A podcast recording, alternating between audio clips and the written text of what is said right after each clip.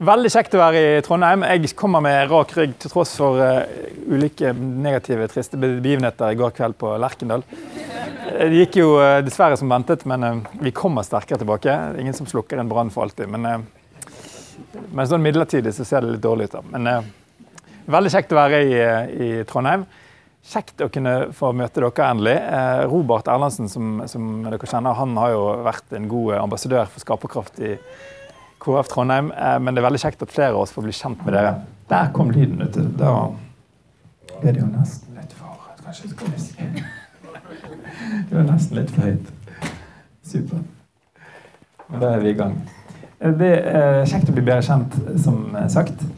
Eh, I går kveld var jeg sammen med en gjeng med, fra Ungdom i oppdrag her i Disippel Trondheim, i en villa oppe i et eller annet strøk. I morges var jeg i Mosaikk eh, og traff den menigheten, og så fikk jeg sjansen til å treffe dere. Veldig kjekt. Jeg skal fortelle litt om meg selv, da, siden det er ikke alle som kjenner meg. Um, skal ikke denne her uh, halvtimen handle om meg, men det er jo greit å bli litt kjent. Hvis det, uh, teknikken funker på denne Sånn. Der. Eh, dette er sånn den offisielle versjonen. Jeg har studert historie og økonomi på Handelshøyskolen i Bergen. Har vært litt KrF-politiker og startet mange forskjellige ting. Bl.a. annet hybel.no. Kanskje noen som har brukt det i studietiden. Det var veldig morsomt. Jeg og en kompis på gutterommet i 2000. lenge siden. Vi eh, knotet opp en hjemmeside for hybelformidling. Og så er det noen som kjenner Jonny Andersson i Bergen. Bergen. Han tok vi et bilde av i bakgården, og så sto han og var litt sånn kul på hjemmesiden. Og så gikk den på TV 2-nyhetene ti minutter over ni en julikveld rett før studiestart. Så det var starten på noe. Vi solgte den videre, og den funka. Litt andre ting, Og så skal vi snakke litt om Tankesmien Skaperkraft, som på en måte er det gøyeste vi har gjort, jeg har gjort. Um, slutten av uh, det jeg skal dele i dag. Jeg skal komme tilbake til den. Men der fikk vi virkelig kombinert liksom gründerdriven og det politiske med brannen for Guds rike.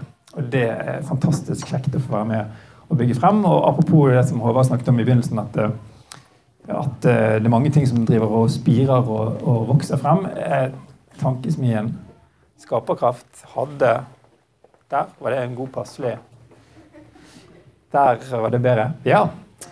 Tankesmien Skaperkraft hadde aldri vokst frem gjennom det som gründere kaller for dødens dal. Det høres fryktelig trist ut. Men nye bedrifter de har en tendens til å gå gjennom noe som man kaller dødens dal de første to-tre årene. Og Hvis man klarer seg gjennom en sånn vanskelig oppstart, så har man en tendens til å overleve. hvis man klarer de første tre årene. Og Skaperkraft er nå seks år, fem år. Og mye av grunnen til at vi kom gjennom den vanskelige første fasen, er at det var 10-15 KF-menigheter i Norge som eh, hadde tro på at dette verktøyet måtte gjennom dødens dal og bryte gjennom. Eh, og, og få lov å bli et redskap for Guds rike i Norge. Så jeg, hjert, bare et hjertelig stort takk fra, fra oss i Skaperkraft-gjengen, som har fått utrolig backing av KF Norge. Så hjertelig takk. Veldig kjekt å få lov å bli bedre kjent med menigheten. Hva sa du? Takk. Um, litt om meg sånn på privaten. Seint, men godt. Mange bønner fra foreldre og besteforeldre. Så ble det til slutt uh, full klaff med en uh, fantastisk jente fra uh, Østfold som hadde vært i Ungdom i oppdrag noen år. Kom til Oslo i 2010. og Der hadde jeg flyttet i 2009, og resultatet det ble disse to fantastiske Ingrid Hermine og Jakob August. Noen mener at han har trent veldig borte på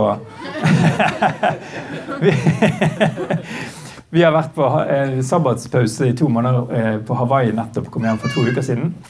Eh, fantastisk å få muligheten til å, ta en pause etter ti års hardt arbeid. og Linn skrev bacheloroppgave, og jeg var veldig mye med disse to.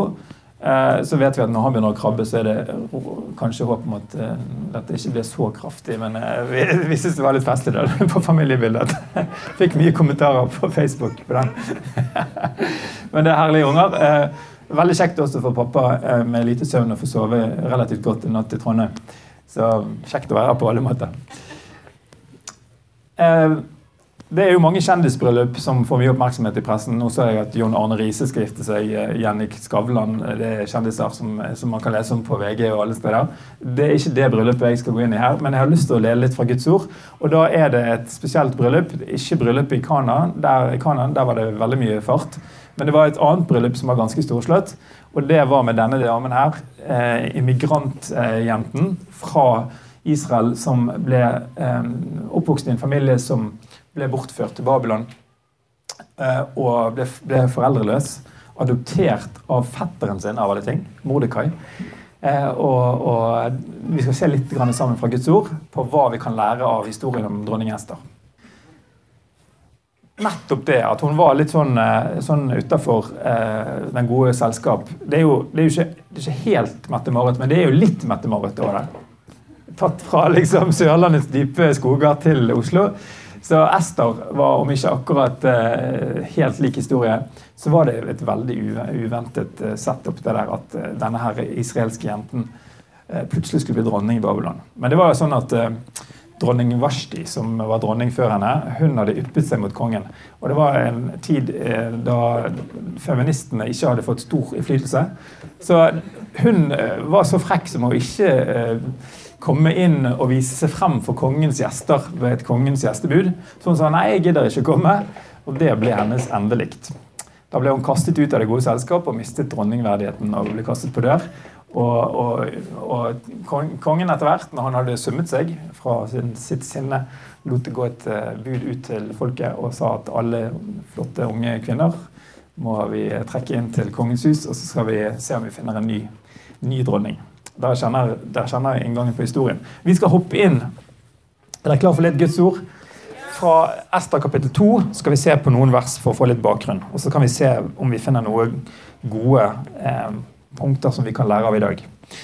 Ester 2 vers 5-11 skal vi begynne å lese. I borgen Susa var det en jødisk mann som het Mordekai. Han var sønn av Jair, sønn av Shimi, sønn av Kish, en mann av Benjamins stamme. Han hørte til dem som var ført i eksil fra Jerusalem, Jerusalem sammen med Ekonia, kongen i Juda. Det var han som Nebukadnesa, kongen i Babel, hadde ført i eksil. Mordekai var fosterfar til Hadassah, også kalt Ester. Hun var datter til onkelen hans og hadde verken far eller mor. Hun var en velskapt og vakker ung kvinne. Så hun hadde vært eh, på VG nett altså hvis hun hadde vært i dag. Da faren og moren hennes døde, tok Mordekai henne til seg som sin egen datter. Kongens ord og bud ble kjent, og mange unge kvinner ble samlet i borgen Susa under tilsyn av Hegai. Også Ester ble hentet til kongens slott, til Hegai, som voktet kvinnene. Han syntes godt om den unge kvinnen, og hun vant velvilje hos ham. Han sørget straks for at hun fikk den hudpleien og maten hun skulle ha. Han ga henne også sju utvalgte tjenestejenter fra slottet, og flyttet henne og tjenestejentene hennes til den beste delen av haremet. Ester fortalte ikke hvilket folk eller hvilken slekt hun tilhørte, for Mordekai hadde sagt at hun ikke måtte nevne noe om det. Hver eneste dag gikk Mordekai fram og tilbake utenfor forgården til haremet for å finne ut hvordan Ester hadde det, og hva som ble gjort med henne. Og så skal vi også lese litt fra vers 16 til 23. Der står det Ester ble hentet til kong Xerxes i slottet hans i den tiende måneden. Det er måneden Tebet i det 20. regjeringsåret hans. Kongen elsket Ester mer enn alle andre kvinner. Hun vant velvilje og gunst hos ham framfor alle de andre jomfruene. Satte krone, han satte en kongelig krone på hodet hennes og gjorde henne til dronning i stedet for Vashti. Kongen holdt et stort festmåltid for alle stormennene og tjenerne sine, en fest for Ester. Han ga provinsene provinsene skattelette og delte ut gaver på kongelig vis. Da jomfruene ble samlet for annen gang, satte Mordekai i slottsporten. Ester fortalte fremdeles ikke noe om hvilken slekt eller hvilket folk hun tilhørte, slik Mordekai hadde sagt henne. Hun rettet seg etter det Mordekai sa, slik hun hadde gjort det da, gjort det da hun, han var fosterfar for henne. I de dager hendte det, mens Mordekai satt i slottsporten, at dørvokterne Bigtan og Teresh, to av kongens evnukker, ble sinte på kong Xerxes og lette etter en anledning til å legge hånd på ham. Dette fikk Mordekai vite, og han fortalte det til dronning Ester. Ester sa det videre til kongen på vegne av Mordekai. Saken ble undersøkt, og da det viste seg å være slik, ble begge mennene hengt på en påle. Dette ble skrevet ned i krønikeboken i kongens nærvær. Mye som skjer på kort tid. Eh, men det er flere ting vi kan trekke fra dette her. Eh, nå er det jo sånn at eh, at, at eh, konge og monarki, det, kongemakt og monarki det diskuteres stadig vekk i Oslo. I hovedstadspressen. Det er noen republikanere som syns dårlig om hele ordningen. Og dette kommer til, fra tid og annen frem. Men det som eh, kong Ahasverus etter hvert lot gjøre, ved at han fikk, hadde noen dårlige rådgivere som etter hvert foreslo at man skulle utrydde alle jøder i riket. Noe sånt hadde kong kronprins Haakon neppe eh, gått med på. Så skandalene i Norge er ganske, eh, ganske, snille i forhold til det som skjedde i dette her hoffet her. Her var det fritt frem for gode og dårlige rådgivere om hverandre. Og så var det litt velkårlig hvilke beslutninger kongen fattet. Men som vi ser, som vi skal se, så har altså Ester en spesiell rolle i dette bildet. Gud hadde plassert henne for en tid som dette. Og det vi skal også se på, det er hva er det, Nå har jeg tillatt meg å ha et bilde av meg sjøl, siden jeg ikke kunne finne et bilde av hver og en av dere. Men her kan dere liksom sette inn bildet av dere selv. Og så kan dere tenke Er du skapt for en tid som denne? Ja, du er skapt for en tid som denne. Hva er du skapt for? Hva er det vi, hver og en av oss, kan bidra til? Eh, der vi er satt i vår hverdag. Det skal vi prøve å få litt svar på. Det første jeg har lyst til å peke på i denne her boken, det er at Ester i ett og alt hadde tillit til sin fetter Mordekai. Det er veldig tydelig etter samspillet mellom disse to. Eh, det står flere ganger betont at Ester gjorde i ett og alt som fetteren Mordekai hadde sagt til henne. Hun røpet ikke hvilken hvilken folkestamme hun kom fra. For det hadde han ment var en uklok ting å avsløre. Du ser at eh, Mordekai han eh, sitter ved forgården og fanger opp hva det som skjer med Ester. Hvordan behandler de henne? Eh, sender bud til Ester. Ester plukker opp ting. De har en god dialog og en godt tatt samspill. Jeg tror vi kan lære at skal vi være der vi er plassert og utgjøre en forskjell for Guds rike, så må vi ha det tette, samme tette samspillet med Herren. Vi vet at Jesus sier i Johannes 10 at 'mine får høre min røst'. Vi kan høre mesterens røst. Det er fullt av eksempler fra Jesu liv hvordan han lyttet til Herren. Lyttet til Gud. F.eks. når han helbredet den spedalske ved brønnen, og eh, og så gikk han forbi veldig mange syke. Men så sier han at eh, 'jeg må jo bare gjøre det som Faderen eh, viser meg å gjøre'. Selv om behovene var der, så gikk han rett til én person. Det er jo også et eh, tegn på at vi som sitter her i dag, enten vi er enkeltpersoner eller som lokalmenighet, så kan ikke vi løse flyktningkrisen og finanskrisen og alle kriser herfra Trondheim. Men Gud vil kalle oss til noen ting, noen mennesker, som vi skal få da være med og bety en forskjell for. Så Denne her nærheten til Gud det har vi kunnet hørt 100 prekener om. Jeg er helt sikker på at det er en gjenganger i menigheten i Trondheim. Så den lar vi ligge der. Det er viktig at vi lever nær Herren.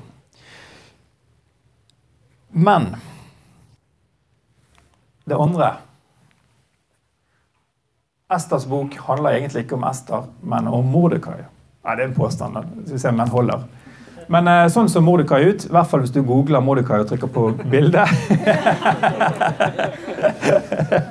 Dette tror jeg egentlig er Mordekai fra en japansk tegneserie. Men jeg syns den var litt kul. da. Og det som eh, gjør at Nå, nå kommer dere til å huske Mordekai, for den kule tegningen. Den sitter på netthinnen.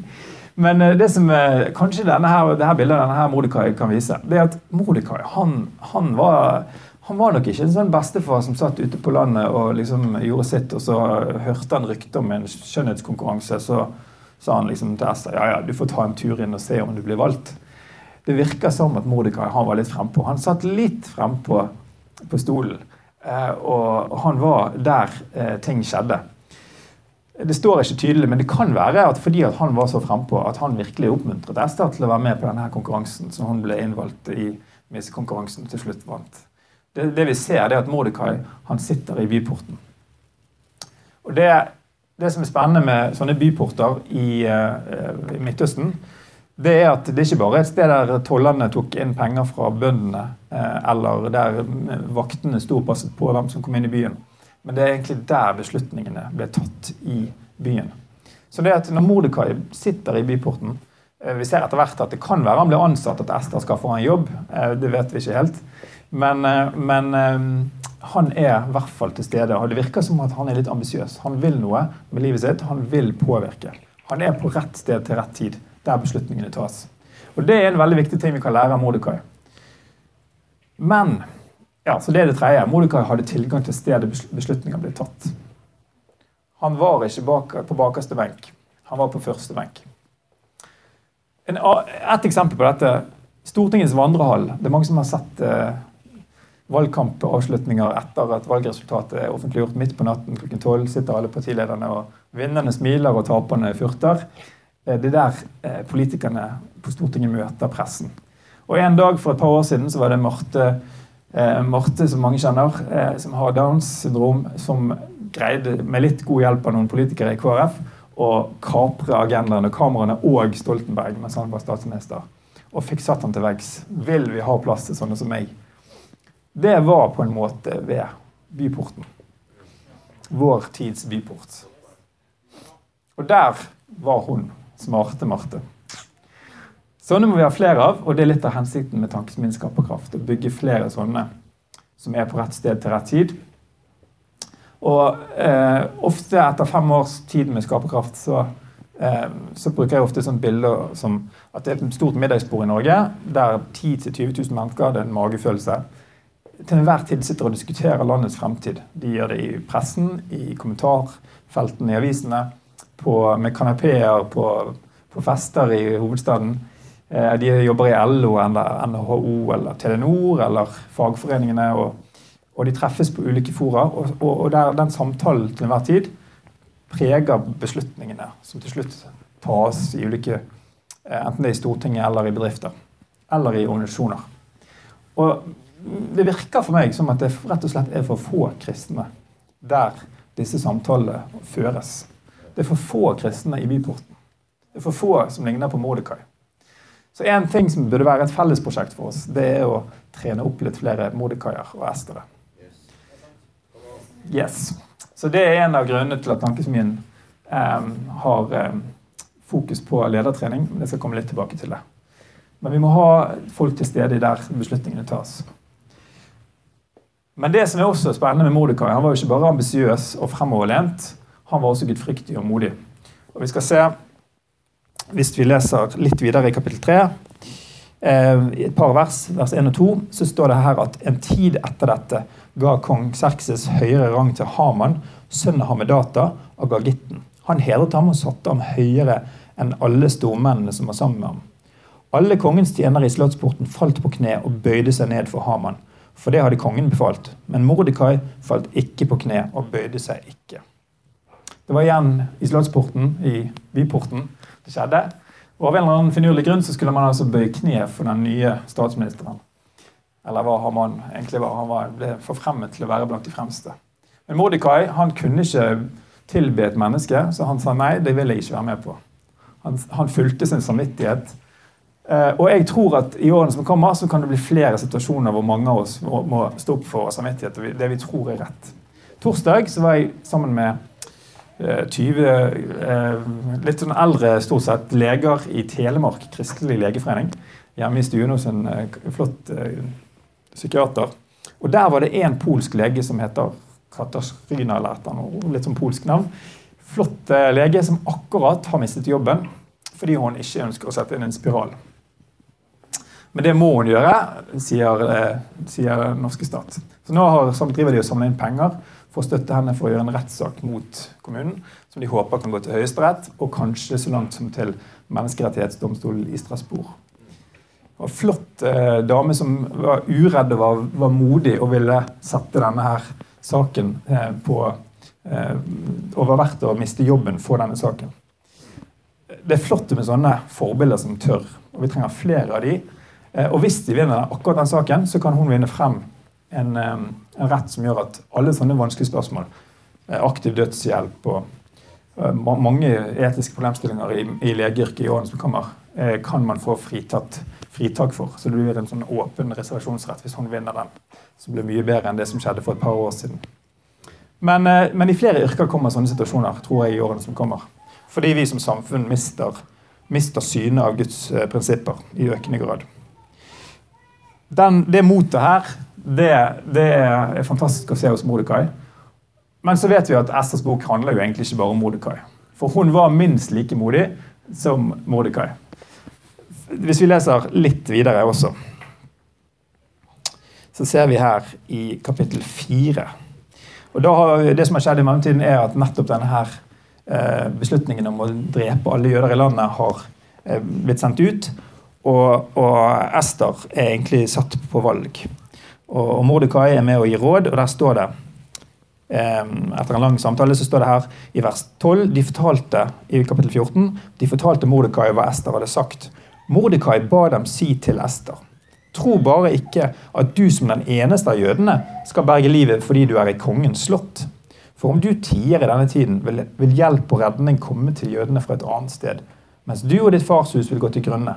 Og hvem vet om det ikke er for en tid som denne at du har fått dronningrang? Da ba Ester dem si til Mordekai.: Gå og kall sammen alle jøder som befinner seg i Susa, og hold faste for min skyld. Dere skal ikke spise eller drikke på tre dager, verken om natten eller om dagen. Jeg og tjenestejentene mine ville også faste på samme måte. Så skal jeg gå inn til kongen, selv om det ikke er etter loven. Skal jeg gå til grunne, så går jeg til grunne. Mordekai gikk av sted og gjorde alt som Ester hadde pålagt ham. Hun eh, tok sjansen på å ta en eh, varstid. Hun gjorde ikke som kongen sa, men hun gikk inn for kongen og ba om nåde for eh, jødefolket. Og det viser seg at det funker. Men hun kunne valgt å bøye av og sagt nei, men dette er ikke mitt bord, det er ikke mitt ansvar. Vi får la noen andre politikere ta tak. Men eh, utfordret av sin fetter så stiller hun opp og tar sjansen på å ofre livet. Hun var minst like modig som Mordekai. Oppsummering. Hva kan vi lære? Tillitsforholdet mellom Mordekai og Ester et bilde på hvor viktig tillitsforholdet mellom oss og Gud er. Mordekai hadde tilgang til landets elite. Han var på rett sted til rett tid. Ester fikk tilgang til kongens skjønnhetskonkurranse, kanskje kanskje pga. Mordekais ambisjoner. Han var litt frempå. Både Ester og Mordekai våget å ofre livet for det de opplevde Gud kalte dem til, til samvittigheten sin. Fulgte den. Og Ester og Mordekai så sine yrker eller posisjoner som en tjeneste for Gud og ikke en plass for egen karriereutvikling. Så tror jeg at Gud elsker at vi skal få utfordre oss og bruke de talentene og de gavene vi har. Og det er en kjempefordel om vi syns det er ok å gå på jobb fra mandag til fredag og gjøre det vi gjør. Men i tillegg til det så tror jeg Gud har en mening med at du er der du er. Og det må vi finne ut enda mer i årene som kommer. Hva har Gud tenkt å gjøre for at Hans rike skal vokse der vi er? Europa er i krise. Vi ba for, for, migrant, eh, for migrasjonen og alle de, alle de, som lider på vei fra Syria og fra Afrika. Uh, I tillegg til de utfordringene som vi ser her, så har vi et vanskeligere forhold til Russland. Vi har en finanskrise som ligger og lurker. Det ser bra ut, eh, men under det så har grådigheten uh, fått så mye spillerom de siste årene at, at finanssystemene er ikke på plass. Uh, det er det er krevende tider i EU som blir splittet opp.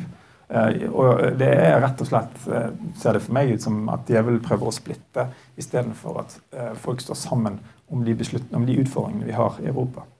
Så det er tider som krever mot, og krever dronning Ester og krever Mordekai på banen.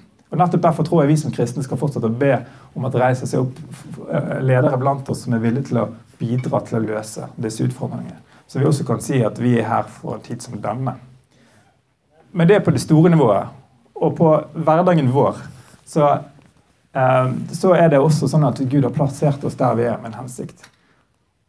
Det er mange, mange verdier i Bibelen som vi kan hente ut. Her er noen av de. Rettferdighet, glede og fred, som romene 14, 17 snakker om. Det, hva består eh, Guds rike av? Rettferdighet, glede og fred i Den hellige ånd. Eh, vi kan se på tilgivelse, ærlighet, Kjærlighet det å elske sin neste. Det er fullt av tydelige verdier i Bibelen som vi er kalt til å leve ut, og til å være lys og salt og prege omgivelsene med. Det som er spennende å tenke, Er det noe på din arbeidsplass eller i ditt lokalmiljø der du bor, eh, som du liksom ved å tenke, prate sammen nå om ett eller to minutter, åpenbart ser at eh, vi trenger litt mer ærlighet på jobben, eller vi trenger litt mer glede, eller vi trenger litt mer rettferdighet. For det, eh, det, det som skjer i den eh, avdelingen for øyeblikket med måten den ansatte behandles på, er, er urettferdig. Um, er du i byggebransjen, så har vi en, situasjon der den svarte økonomien i byggebransjen i Norge er på 125 milliarder, har Skatt Øst og Kripos avslørt. Så hvis du jobber i byggebransjen, så er det en åpenbar utfordring ved at det er for mye smarte, svarte penger som bidrar til eh, å undergrave troverdigheten til skattesystemet vårt. Og legger til rette for menneskehandel, bl.a. Ta en prat rundt bordene ett eller to minutter, og, og tenk er det noe i dine omgivelser der det åpenbart trengs en gudsrike verdi eh, som du kan være med å ta initiativ til. Kanskje ikke du trenger å lese Bibelen i, høyt i lunsjpausen, men er det noe du kan bringe inn fra Guds rike i en situasjon for øyeblikket? Ta et minutt eller to om det. Ja, eh, dette er jo veldig kort tid å løse verdensproblemer på, men eh, men eh, tanken var å få i gang en prosess. Og kanskje det er noe dere kan snakke om videre på, til helgen når dere skal være sammen også. Men det som jeg tror eh, er greien, er at skal vi se at Guds rikes verdier får innpass i større deler av samfunnet, så må vi også dra med oss andre. Og En ting kan jo f.eks. være at man, man syns at det er litt lite glede i nabolag. Kanskje man skal starte et barnekor. Det krever jo å skape glede i nabolaget. Altså, det krever jo ganske mye energi å gjøre det, så man skal ikke bare hoppe inn på enhver ny idé. Men, eh, men, jeg tror det er Helligånd vil lede oss til å ta initiativ. Eller det kan være en situasjon på, i din bransje som er urettferdig. At man må kanskje enten selv bli med i fagforeningen eller i, annen, i et annet styre på arbeidsplassen for å jobbe aktivt mot å løse noen konflikter eller løse noen utfordringer. Så jeg tror at Gud vil at vi skal være lys og salt på den måten, selv om ikke alle kommer til å tro rundt oss. Så skal vi få være med å bringe lys og rettferdighet og glede og alle disse verdiene til mennesker. Og Det gir oss en mulighet til å dele evangeliet når, når, mennesker ser at vi tar initiativ.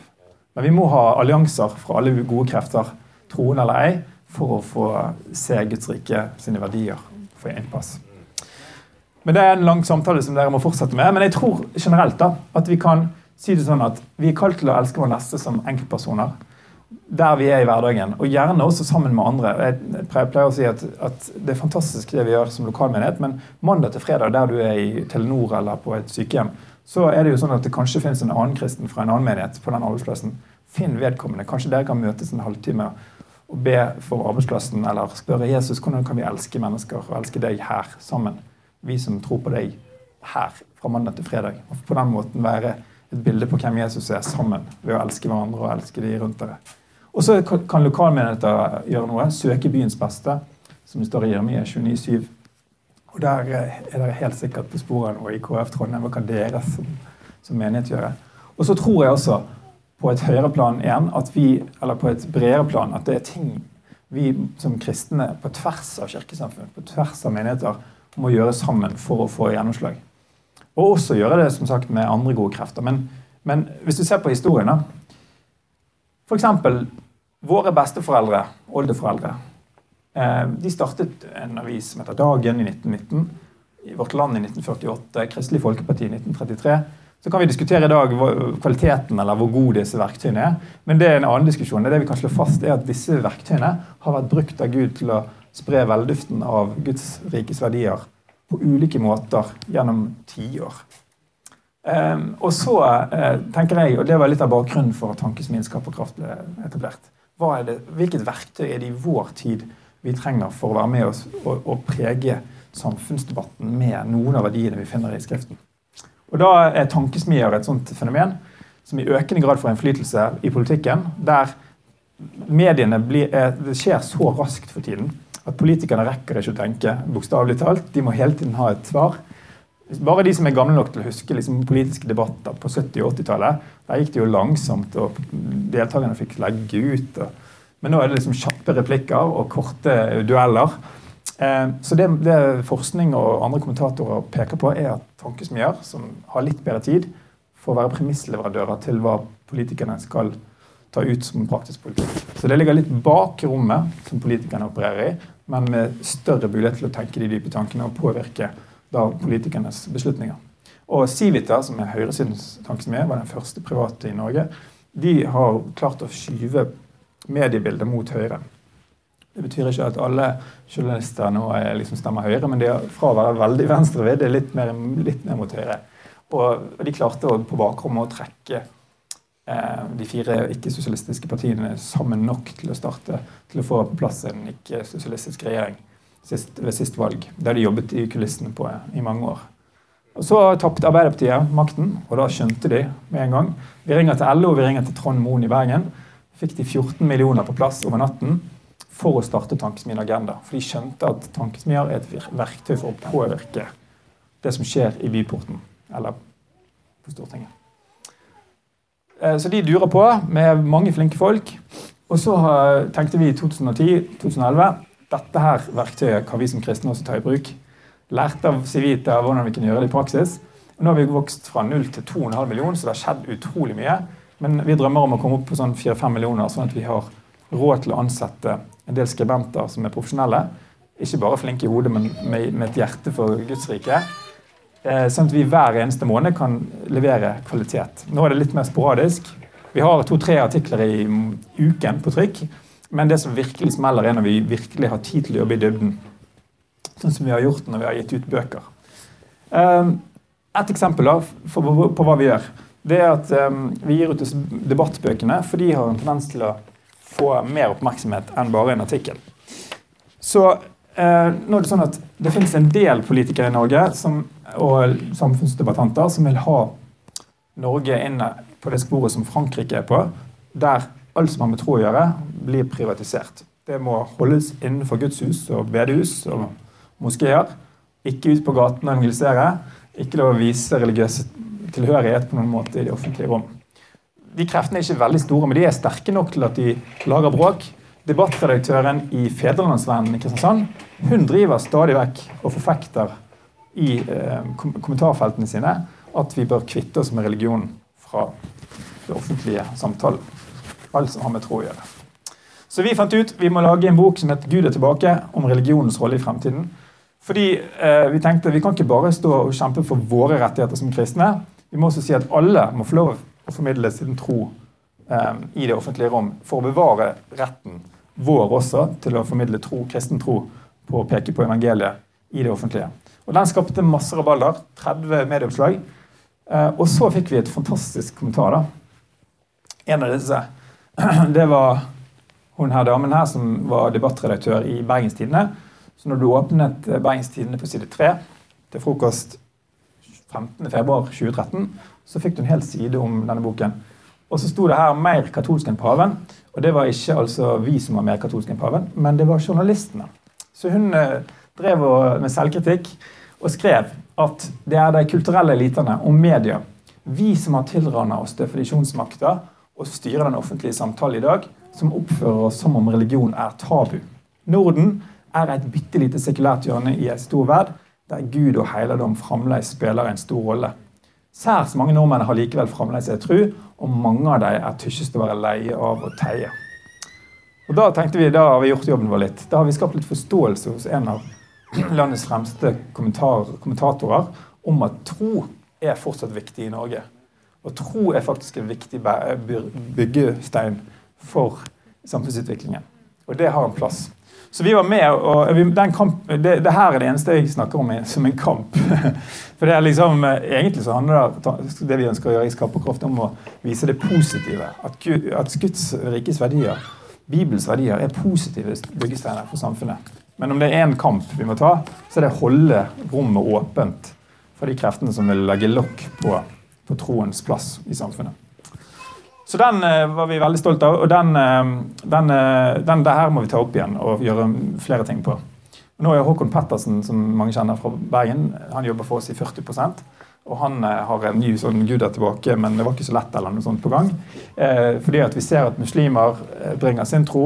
De sekulære kreftene vil ha troen vekk. Og denne her, med kristenarven i bunn, så blir dette her et sånt spennende felt som vi må stadig vekk rydde i. Yes, Så tror vi at Gud er en skapende Gud. Er det mange som tror på det? Gud har skapt oss i sitt bilde. Vi kan skape. Vi kan skape bedrifter, organisasjoner, menigheter. Vi kan skape hus og det som er vakkert. Vi kan skape musikk. Eh, og I Norge så har vi skapt mye bra. Vi fikk litt sånn hjelp da med oljen i fanget. Den har skapt mye for oss, litt sånn på tomgang. Eh, men nå viser det seg at oljeprisen faller. Mange mister jobben. Vi må skape noe nytt. Vi må finne på det sjøl. I større grad. Så vi ga ut Gründerbygger Norge for år siden, tre år siden. Den fikk vi Jonny og Skandiabanken til å, å backe. Og så fikk vi, fikk vi den ut til 5000 studenter. Og Da intervjuet vi seks gründere om deres reise. Eh, ikke alle var kristne. Eksempel, eh, han her, kompisen her, eh, Rema 1000-gründer i Trønderen. Han begynte her hos bestefaren og fikk eh, fart på Rema, for å si det sånn. Han, hans historie er med. Men så fant vi også selvfølgelig et par troende som har vært eh, flotte, flotte ambassadører. Og da har vi eh, han her, Per Sevik fra Fosnavåg. Solgte fiskebåten for 10 millioner i 1980. Og når vi skrev boken, så var selskapet hans verdt 1,5 eh, milliard. Gjort det skikkelig bra. Nå sliter han litt mer pga. oljeprisene. Men når vi skulle beskrive Per, så var det gudsfrykt med nøysomhet. Så de 5000 studentene de leste om troens drivkraft for Per til å bygge arbeidsplasser. Og så la vi inn litt sånn Hans Nilsen Haugestoff om vekkelsesbæreren og bedriftsbyggeren. Så folk fikk helt hakeslepp, en kristen tankesmie som snakker om gründerskap og jobb, jobbskaping. Det passet ikke inn i bildet av abort og Israel og ekteskapslov. Eh, vi tror at mange av de etiske sakene er noe vi må stå på barrikaden for å peke på. Så vi skriver om abort og, og ting som er krevende. Men vi tror at Guds, Guds karakter uttrykker mye mer enn bare noen enkle enkeltsaker. Og det å få frem mangfoldet av det Bibelen inspirerer oss til å gjøre for samfunnet, det er viktig. Og så En annen eksempel da, før vi går inn for landing etter hvert. Eh, ja, her var det vi, En måte vi jobber på, det er å mate journalister med litt eh, stoff. Så Vi hadde en venn som jobbet i Aftenposten for noen år siden. og Han matet film med litt stoff om at Norge lå, lå litt dårlig an på dette med gründerskap. Uh, og Så skrev han en reportasje om det, og så fikk han førstesideoppslaget. Og denne forsiden gikk da som en sånn farsott på alle næringslivskonferanser høsten 2010. Um, eh, og det tror vi har vært med på å sørge for at uh, Høyre for eksempel, har vært veldig opptatt av omstilling. Uh, så vi, vi, tror vi har litt av æren for at um, politikerne begynte å skjønne at vi må tenke på et liv etter oljen også. og det er veldig gøy. Derfor får vi påvirket direkte. Og her var det enda mer synlig. Denne boken, 'Norsk slaveri', den skrev vi høsten 2014. Eh, der, når vi begynte å jobbe for å avdekke hvor utbredt menneskehandel var i Norge, så fant vi ut at den svarte økonomien som jeg nevnte i sted, var en av hoveddrivkraftene for å legge til rette for at mennesker kan bli handlet med som en vare. Fordi at det skjules utenfor skattemyndighetenes eh, eh kontroll. Både med prostituerte, men også med arbeidsmenn og -kvinner som ble truet til å jobbe for enten gratis eller for en veldig lav lønn. Og Da eh, sier eh, Kristin Skogen Lund, som er NHOs eh, leder, til oss i boken at vi må slutte å handle svart, men kanskje enda viktigere, slutt å akseptere at venner og familie handler svart. Det her var altså ikke en mørkemann fra Vestlandet, men det var NHOs eh, leder som sier det i boken. Og Da oppdager vi også når vi reiser rundt, at eh, svart Vi kristne er jo mennesker. Så det er en god del av oss som lar oss friste av et bad som blir 100 000 billigere fordi at det blir svart. Så hvis vi skal uh, bidra til å forandre Norge, så må vi rydde i eget reir.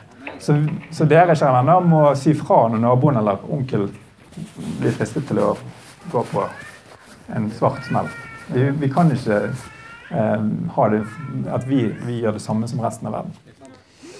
Så, så her kan vi bidra. Eh, og så, eh, så kan, jobber mange kristne unge mennesker på tvers av Kirke-Norge for å fokusere på menneskehandel. Det er flott å se. Um, yes. Der tok vi også ut noen konkrete råd som vi hadde i seminar på Stortinget sammen med politikere fra flere partier fra justiskomiteen. For justiskomiteen jobber med en ny lov om menneskehandel. Der blant annet, eh, det er sånn i Norge at Du får mye mindre straff hvis du blir tatt for menneskehandel i Norge enn i resten av Europa. Så En av de rådene vi kom med, var jo åpenbart å endre strafferammen, sånn at det blir litt mer skumlere å bli tatt. Og så har vi kommet med flere andre råd, og disse skrives nå inn i loven som, eh, som blir vedtatt på Stortinget i disse dager. Så det er også veldig kult vi ser at vi får innflytelse ved å gjøre jobben for en del politikere som ikke rekker å, å gjøre den researchen og jobbe frem det sjøl. Eh, en morsom ting som skjedde i høst, var at vi har overtatt driften fra Kristen pedagogisk forum, som har vært en sånn 100 år gammel lærerorganisasjon. Kristelig lærerlag het de. Eh, da jeg var liten, så dro jeg rundt med mormor på kristelige lærerlagkonferanser i Trondheim husker jeg, og i, Norden. Det var masse lærere på tur i buss. Det var veldig livskraftig, men nå hadde de veldig liten aktivitet. 500 000 i årsbudsjettet, nesten tom. Eh, men de ga oss en mulighet til å restarte det, og så ga vi ut et nytt tidsskrift som vi kalte for Dannelse, som er for lærere i skolen. Der du ikke vil finne bibelvers direkte, men du vil finne med en fokus på det at skolen skal være et sted der vi bidrar til å danne hele mennesker, og ikke bare gi kunnskap. Fordi det er viktig i, tider der vi fokuserer veldig nasjonalt i politikken på at det skal være kunnskap og kunnskap og kunnskap, så må vi også ta vare på det dannelsesbegrepet. Så den håper vi nå. Vi har fått 70 abonnenter. Vi må prøve å få opp det i 400. Fikk syv nye abonnenter i Mosaikk i dag. Det var en som hadde var lærer eh, ansvar for en seksjon på en skole, eh, så han kjøpte til hele gjengen. Ehm, så det, det tror vi blir et veldig bra verktøy for å prege også skoleverket med gode verdier. Veldig kjekt. Så har vi ledertreningen vår. Og der, eh, Nå er det jo mange små barn i KrF Trondheim, men de vokser jo opp, og vi har tenkt å holde på en stund. Så når du merker at poden og datteren har ledertalenter, eller du kjenner en 19 26-åring, eh, så tips de om ledertreningsprogrammet vårt. Da tar vi med 16 stykker fra hele landet, 15-16 stykker, til et eh, femukersprogram fem helgers program der vi ser på det å følge Jesus som leder. eksempel, Og så hjelper vi dem å spisse fokuset, være litt mer Mordekai. Lede andre, lede seg sjøl og lede i samfunnet. Og Det har vært en superhit. Og så blir de skjerpet ved at de treffer likesinnede. Og så holder vi kontakten med disse og prøver å disippelgjøre dem i årene som kommer. For at ikke vi skal miste fokus på Jesus når man kommer inn i lederposisjoner. Det tror vi kan bli skikkelig potent når en, ung, en nettverk unge ledere fra alle kristne sammenhenger kjenner hverandre. Og Det tar vi ut i Europa nå for andre gang. På en, et slott i Sveits har vi en samling, og vi hadde 33 unge ledere fra 17 land med oss i fjor. Eh, fortsetter nå om en måned eh, og har tenkt å gjøre mer av sånt i Europa. Eh, også litt mer grundigere enn bare en helg, men det, det, er en begynnelse. Vi drømmer om å se et nettverk av unge ledere som følger Jesus i smågrupper over hele Europa de neste tiårene. Litt ambisiøst, men vi må jo være som Modikai. Yes. Så det vi ber om for i Norge, det er at vi fortest mulig skal komme opp i 4000 partnere. Nå har vi 700 enkeltpersoner som putter inn en hundrelapp eller to. Og så har vi 30 menigheter. Halvparten av de er KF-menigheter. sånn cirka. Men nå er det flere andre som kommer med. Endelig, dere var først, og så kommer de andre. Med 10 000 i, i året. Og så prøver vi å nå et sted der vi kan bli halvparten så store som Civita Agenda. For vi kan være dobbelt så effektive fordi vi er, er fokusert og sløser ikke.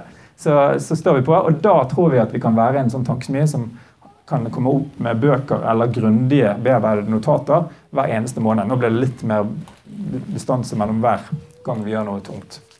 Så det er drømmen. Vi er på godt vei. Vi er kommet gjennom dødens dal. Vi er, vi er virkelig eh, rotfestet, og så begynner vi å se at vi preger en del debatter, og det er kjempespennende. Men det er igjen tusen takk til dere som har vært med å føde oss frem. Så før jeg da sier helt takk så ligger det en sånn brosjyre og et sånt skjema. Hvis du har, eh, ikke har gitt vekk alt du eier, og har, men du har anledning til en hundrelapp eller to i måneden og har lyst til å hjelpe oss å bygge litt raskere, så er du kjempevelkommen til å fylle ut det, eller bare prate med meg. Vi har en sånn digital sak, så får vi det rett inn i databasen på datamaskinen etterpå. Ehm, men, eh, men har du lyst til anledning å tro at dette her er noe som vi på tvers av kristne i Norge kan gjøre sammen, så er det fantastisk å få dere med også som enkeltpersoner. Men eh, oppsummert så har jeg lyst til å tenke, bare dra opp igjen det vi snakket om. Vi er kalt til å elske Han og elske hverandre og elske mennesker og bidra til å være lys og salt som enkeltpersoner og sammen med andre troende der vi er i hverdagen. Som lokalmenigheter er vi kalt til det, og så er vi kalt til å gjøre det på felles, på tvers. Og så skal vi være, lære som eh, Mordekai å holde fokus på Han, holde oss nær til Herren, men også våge å tenke at vi kan ha litt mer innflytelse og bruke den plassen vi har, til å faktisk ta eh, medbeslutninger på arbeidsplassene og i nærmiljøene våre. Og Da må vi melde oss frivillige i velforeningene eller i, eh, eh, som ansatte representanter i bedriften eller i fagforeningene eller i lokalpolitikken. Eh, så hvis du får muligheten eh, og tenker kanskje som mange av oss vil tenke Nei, men jeg er ikke god nok, eller jeg er ikke sterk nok, eller smart nok, eller erfaren nok.